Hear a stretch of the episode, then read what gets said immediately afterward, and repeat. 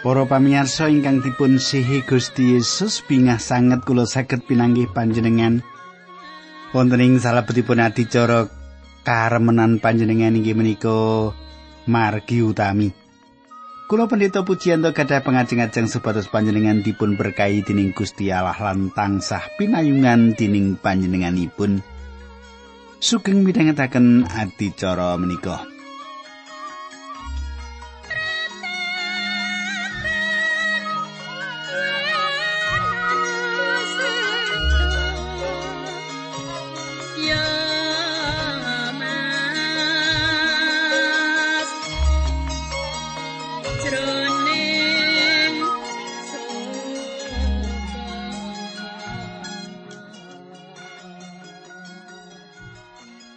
Pamirsa, menapa panjenengan tasih kemutan menapa ingkang kula aturaken duk nalika pepanggihan kepengker? Sainipun kula wangsul inggih supados paling boten wonten kegambaran malih menapa ingkang sampun kula aturaken dumateng panjenengan. Ing pepanggihan kepengker kula sampun ngaturaken dumateng panjenengan, panjenengan kula dherekaken nyemak gang salawatonan ingkang dipun ginakaken Gusti Allah kangge ngadili tiang dosa. Mangkaten nggih. Tasih kemutan panjenengan kateng kula.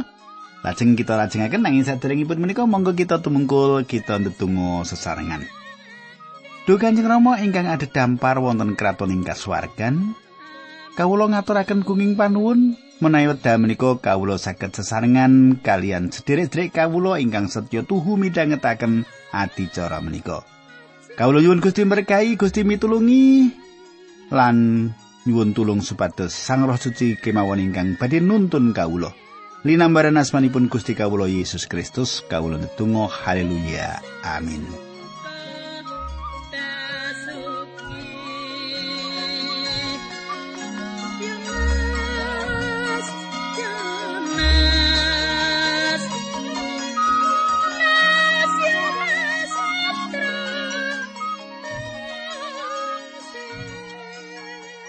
Para pamirsa ingkang kula tresnani, samenika pasinon kita sampun lompet ing serat Rom kalih ayat selangkung, Rom kalih ayat selangkung.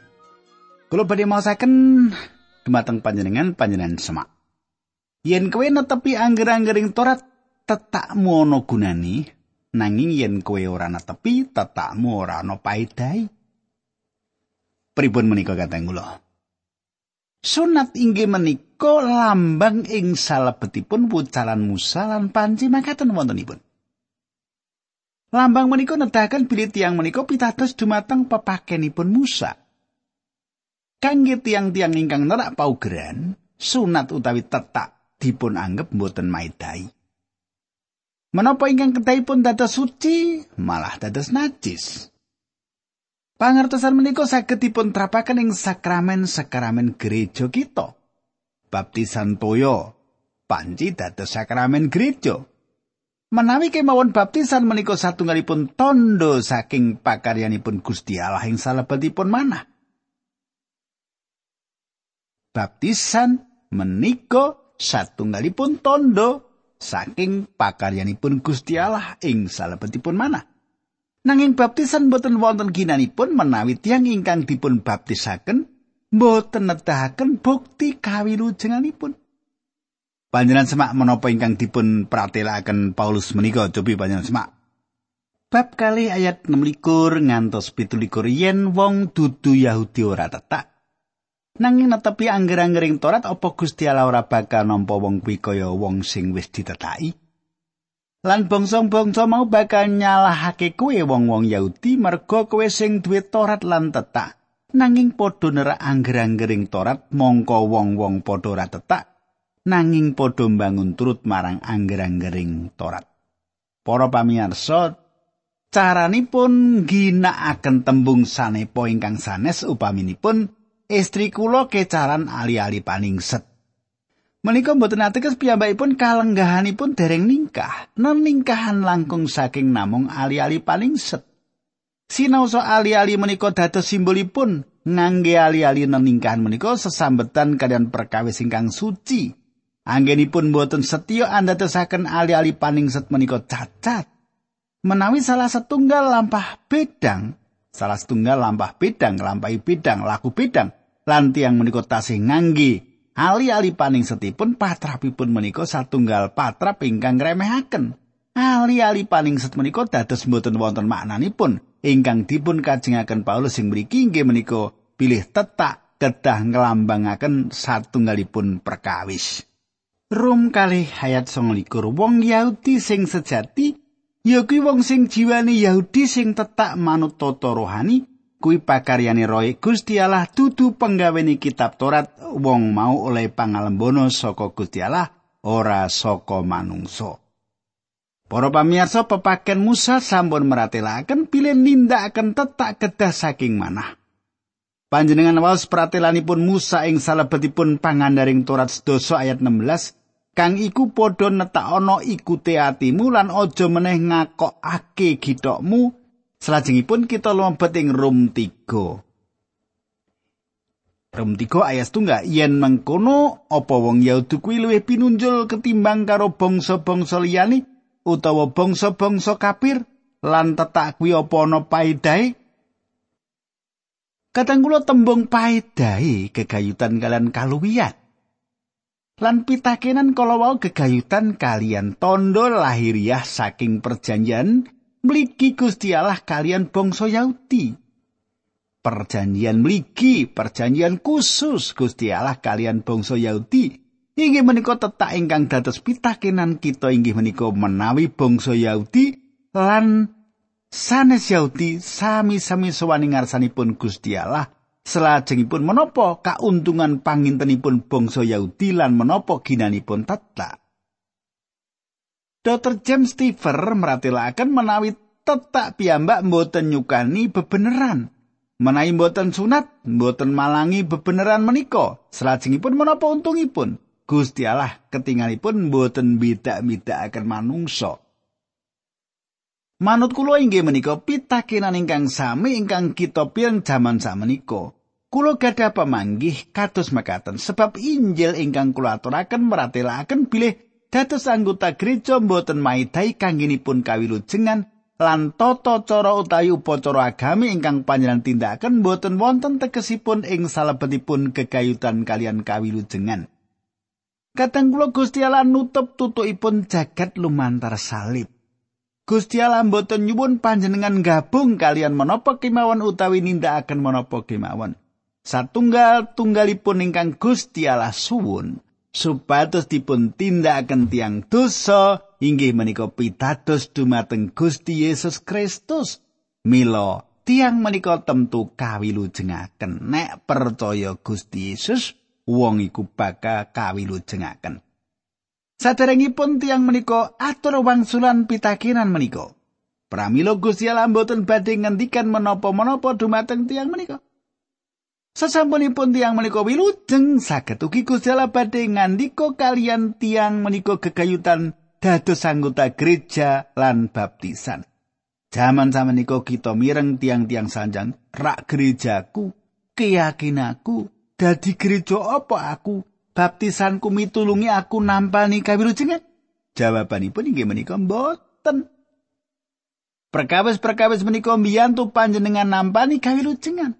Nanging menawi panjenengan dipun wilujengaken perkawis-perkawis menika badhe dados tondo lan cara nglantaraken dumateng jagat kegayutan sinten panjenengan. Nanging menawi panjenengan dereng gadah sifat-sifat ingkang dipun kersakaken pramila anggen panjenengan dados anggota gereja lan anggen panjenengan dipun baptis namung badhe anda tengaken perkawis ingkang awon lan sanes ingkang suci. Tiang-tiang menika malah cemer Samenika Paulus badhe nyukani jawaban pitakinan, apa kauntungane kang ditampa bangsa Yahudi? Rom 3 ayat kalih. Paedahe gedhe banget sebab sak ora-orani Gusti Allah wis maringake pangandikane marang wong Yahudi. Para pamirsa Paulus meratelaken ya bangsa Yahudi nampa kauntungan. Nanging kauntungan menika medalaken wah tanggal jawab.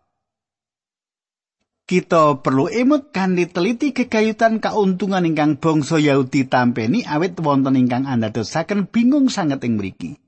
Kula tepang sawetawis tiang ingkang mucal ing seminari-seminari teologi ingkang boten bedakaken antawisipun Yudaisme ing salebetipun perjanjian lami kalian pesamuan ing salebetipun perjanjian enggal. Paulus meratelaken kanthi cetha bilih Gusti Allah namung maringi bangsa Israel pangandikanipun Gusti Allah.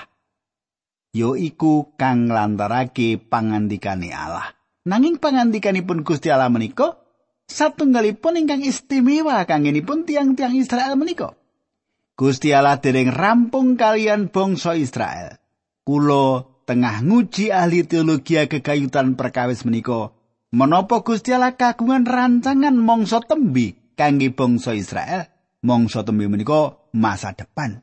Para pamirsa, menawi Gusti Allah mboten kagungan rancangan mangsa tembe bangsa Israel, kula yakin panjenenganipun ugi mboten kagungan rancangan mangsa tembe kangge panjenengan.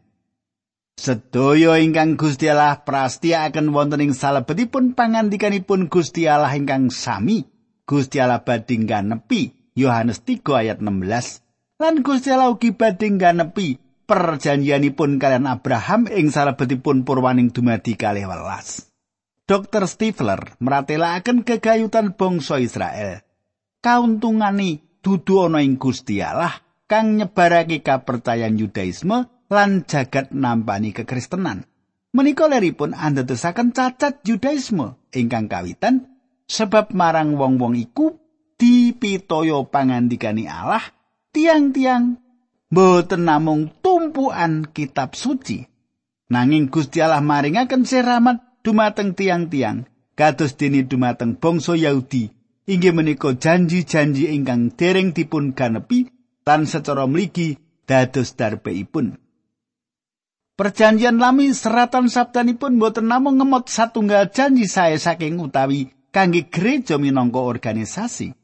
Menika boten meco pasamuan, menika nyukani tondo badhe wontenipun kerajaan ing pundi bangsa Yahudi badhe dados pemimpinipun lan boten kecalan bedakaken secara nasionalis pun kados dene wonten ing salebetipun pasamuan. Kadang kula manut kula inggih menika salah setunggal pratela ingkang penting piyambak lan lebet ingkang nate dipun damel kekayutan kalian pangandikanipun Gusti Allah. Ing tembung ageng para ahli teologi gadah pemanggih ingkang benten. Dr. Aldolf Sapir tiang Yahudi ingkang dados jiwa inggal sanjang tetinggalanipun saestu limrah. Bile Israel inggih menika gegambaranipun pasamuan lan samenika jinis ingkang dipun ganepi menika ical saking cakrawala kita ingkang sesarengan boten injili. Israel sanes bayangan ingkang dipun ganepi lan dipun serap wonten ing gereja nanging landesan ingkang kalian menika gereja sumindi. Inggih kados makaten keterangan penting lan inggih menika ingkang Paulus pratelakaken bilih bangsa Yahudi gadah kauntungan ageng. Gusti Allah gadah mangsa tembe kangge bangsa Israel lan anggenipun boten setya boten badhe ngrisak janjinipun Gusti Allah. Monggo kita lajengaken ayat 3. Bab 3 serat Rom. Banjur kepriye yen ana sagolongan wong Yahudi sing ora setya? Apa ateges yen Gusti Allah kuwi ora setya? Para pamirsa, yen ana sagolongane wong Yahudi sing ora setya, utawi yen ana ing antarane wong-wong mau kang ora duwe iman satunggalipun panjarwa ingkang langkung sae menapa awit anggenipun boten setya tiang-tiang menika nggagalaken kasetyanipun Gusti Allah menawi kauntungan bangsa Yahudi boten gayuh tujuan ingkang dipun kersakaken rak menika ateges anggenipun Gusti Allah boten setya dumateng umat kagunganipun dipun batalaken bangsa Yahudi gagal Mboten ateges Gusti Allah ugi gagal. Mboten makaten janji Gusti Allah maringi Israel sang penebus mboten dipun kawonaken dening anggenipun mboten bangun turut lan panampipun bangsa Yahudi. Sedaya janji Gusti Allah kangge mangsa tembe bangsa badhe dipun ganepi kagem kaluhuranipun uwal saking anggenipun bangsa Yahudi mboten pitados. Secara pribadi kula ngaturaken panuwun bilih janji-janji Gusti Allah dumateng kula mboten alandesan anggenipun kula mboten setya. Menawi gumantung kula, tentu sampun dangu kula kesasar. Puji Gusti atas kasetyan panjenenganipun. Kula lajengaken ayat sekawan. Mesti ora sebab Gusti Allah kuwi setya tuhu. Senatan manungsa kabeh padha goroh kaya sing katulisan ana ing kitab suci mengkini supados panjenengan katiti oleres ing sak pangandika panjenengan saha menang semangsa dipun adili tiyang. Para pamirsa, kanthi tembung sanes tiang ingkang dereng pitados ingkang gadah pitakenan menika. Inggih menika tiang goroh lan Gusti Allah badhe andadosaken tiang menika tukang bohong ing satunggalipun wekdal mangke. Kenging menapa? Awit kasetyanipun Gusti Allah menika leres lan boten ewah gingsir. Kados menapa pentingipun perkais menika Yohanes mratelakaken setunggal Yohanes gangsal ayat doso Makaten surasipun. Mulane wong sing percaya marang putrane Allah wis kaparingan paseksi mau ana ing batine wong sing ora percaya marang Gusti Allah kuwi nganggep yen panjenengane duro awet ora ngandel karo paseksi sing wis kelairake dening Gusti Allah ing ngatasé Sang Putra. Katanggul kados menapa awonipun menawi mboten kumandel pilih Gusti Allah masrahaken putranipun supados sedo kangge kita. Panjenengan dadosaken Gusti Allah tukang goro. Menika ingkang panjenengan tindakaken menawi panjenengan nampik putranipun. Samaniko bab 3 ayat 5 serat nggih bab 3 ayat kang sa. Nanging yen merga saka duraka kita kaadilane Gusti Allah dadi lan cetani kita arep kondhopo. Apa Gusti Allah dadi ora adil? semongso panjenengan ngukum kita mergo keluputan kita. Kandaku iki manut pikirani menungso. Para pamirsa kanthi cara menggalih ingkang nyasaraken badhe tuwa dedebatan pilih awit anggenipun boten pitados bangsa awit lelawanan kalian kasetyanipun Gusti Allah. Pramila Gusti Allah boten badhe paring paukuman dumateng tiang-tiang ingkang anda kaluhuran langkung ageng dumateng panjenenganipun. Panjarwa ingkang langkung sainggih menika, apa Gusti Allah kang ora adil nekani wong-wong karo paukuman ing sajroning ngadili wong-wong iki? Inggih menika wewekta ingkang Paulus hadepi ing salebetipun martosaken Injil kamirahanipun Gusti Allah. Menawi Gusti Allah ngginakaken dosa kangge anda tengaken kaluhuran kangge panjenenganipun piyambak, pramila panjenenganipun boten kedahipun paring pahukuman tiang dosa. Perkawis menika mesti kemawon dipun ginakaken dening saperangan tiang minangka alasan nindakaken dosa. Paulus nyukani pitakenan kanthi cara kados makaten ing salebetipun basa Yunani kados-kados nuntut jawaban ingkang boten sae. Gusti Allah menika adil. Panjenenganipun paring pangandikan aku secara manungsa menika mboten ateges Paulus mboten nyerat perangan mligi menika ngangge ilham nanging nyukani pitakenan saking pemanggihipun manungsa ingkang winates. Para pamirsa ingkang dipun kajengaken sedayanipun inggih menika menawi ambeksya kula ngatingalaken kasetyanipun Gusti Allah ingkang ngira-miramaken ajaib lan boten kaitang ing salebeting kamirahanipun Allah pramila menapa kagungan hak Gusti Allah ngadili kita. Inggih menika ingkang Paulus tangletaken ing mriki. Kanthi cetha dipun nyatakaken bilih jagat ingkang dereng wilujeng ing jaman Paulus mangertosi bilih Paulus mucalaken kawilujengan dening sih kamirahanipun Gusti Allah. Kados menapa endahipun. Samenika kita lajengaken ayat 6 mesti wae ora. Sebab yen Gusti Allah ora adil, kepriye bisane panjenengane ngadili jagat iki? Para pamirsa, menawi Gusti Allah mboten kagungan hak ngadili kita awit dosa kita, malah meratelaken sih rahmatipun Gusti Allah, pramila Gusti Allah mboten kagungan hak ngadili sinten kemawon. Awit tiang-tiang meratelaken satunggalipun perkawis saking sih rahmatipun Gusti Allah ingkang limrah. Jawaban Paulus sepindah malih satunggalipun panampik tegas lan gumato atas landesan pikiran bilih Gusti Allah menika mboten adil. Benten pemangge ing mriki inggih menika menawi dosa mligi menika malah ngluhuraken Gusti Allah lan kamirahanipun Gusti Allah pramila sedaya dosa badhe gadah patrap ingkang sami. Menawi kados mekaten Gusti Allah mboten kuwawa ngadili jagat. Panjenenganipun badhe ngwalaken dampar minangka jejeripun hakim atas bumi sawetahipun. Alasan ingkang ketingalipun saya menika tentu gadah pemanggih. Bilih Hitler kedahipun mboten dipun adili. Sinten kemawon panjenengan? Panjenengan tentu pitados bilih wonten tiang ingkang kedah dipun adili.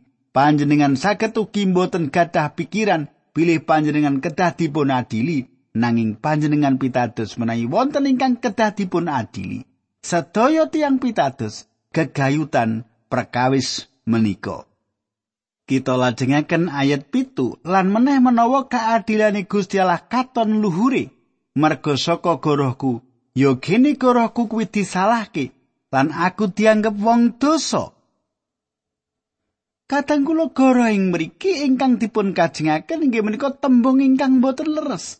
Saben tiyang saged nuntut mligi saking pengadilanipun Gusti Allah awit dosanipun nyinggahaken kaluhuranipun Gusti Allah. Ayat 8. Apa sebabe kok kita ora kena muni mengkene? Ayo padha nglakoni piolo supaya ketara ndi sing becik. Pancen ana wong sing ndakwa aku muni mengkono. Gusti Allah bakal ngukum wong mau manut apa mesine. Kadang kula Ing salebetipun ayat menika Paulus maratelakaken alasanipun ing reringkesan ingkang mlebet nalar. Nanging boten saged dipun cepengi. Menawi dosa ngagengaken kaluhuranipun Gusti Allah, para mino tambah kathah dosa tambah ageng kaluhuranipun. Sawetawis pihak sampun lepat ndakwa Paulus sawit mucalaken perkawis ingkang mokal menika. Menika boten limprah awit Paulus piyambak ingkang desek bilih Gusti Allah kedah ngadili dosa. Kados dene wontenipun dosa pramila pengadilan ugi kedah wonten. Para pamirsa, samenika kita mlebet ing perangan pundi kita nampeni pandhawa luput saking Gusti Allah dumateng umat manungsa. Paulus badhe ngringkes perangan dosa menika kanthi nginggahaken umat manungsa dhateng ngarsanipun hakim atas sedaya bumi. Lan dakwan lepat dipun damel dening Gusti Allah dumateng umat manungsa sae dumateng tiang Yahudi ugi tiang sanes Yahudi, cemeng lan putih, jaler lan istri, sugih lan melarat. Sinten kemawon kita mboten dados soal. Menawi kita dados perangan saking umat manungsa panjenengan lan kula lepat ing ngarsanipun Allah. Selajengipun Paulus badhe nuntun kita dateng klinik Allah, inggih menika klinik rohani sejatos.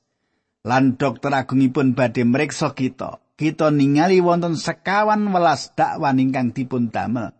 Ingkang neming ngarsanipun hakim lan wolu sanesipun ing ngarsanipun dokter agung ingkang meratelaken menawi kita sakit.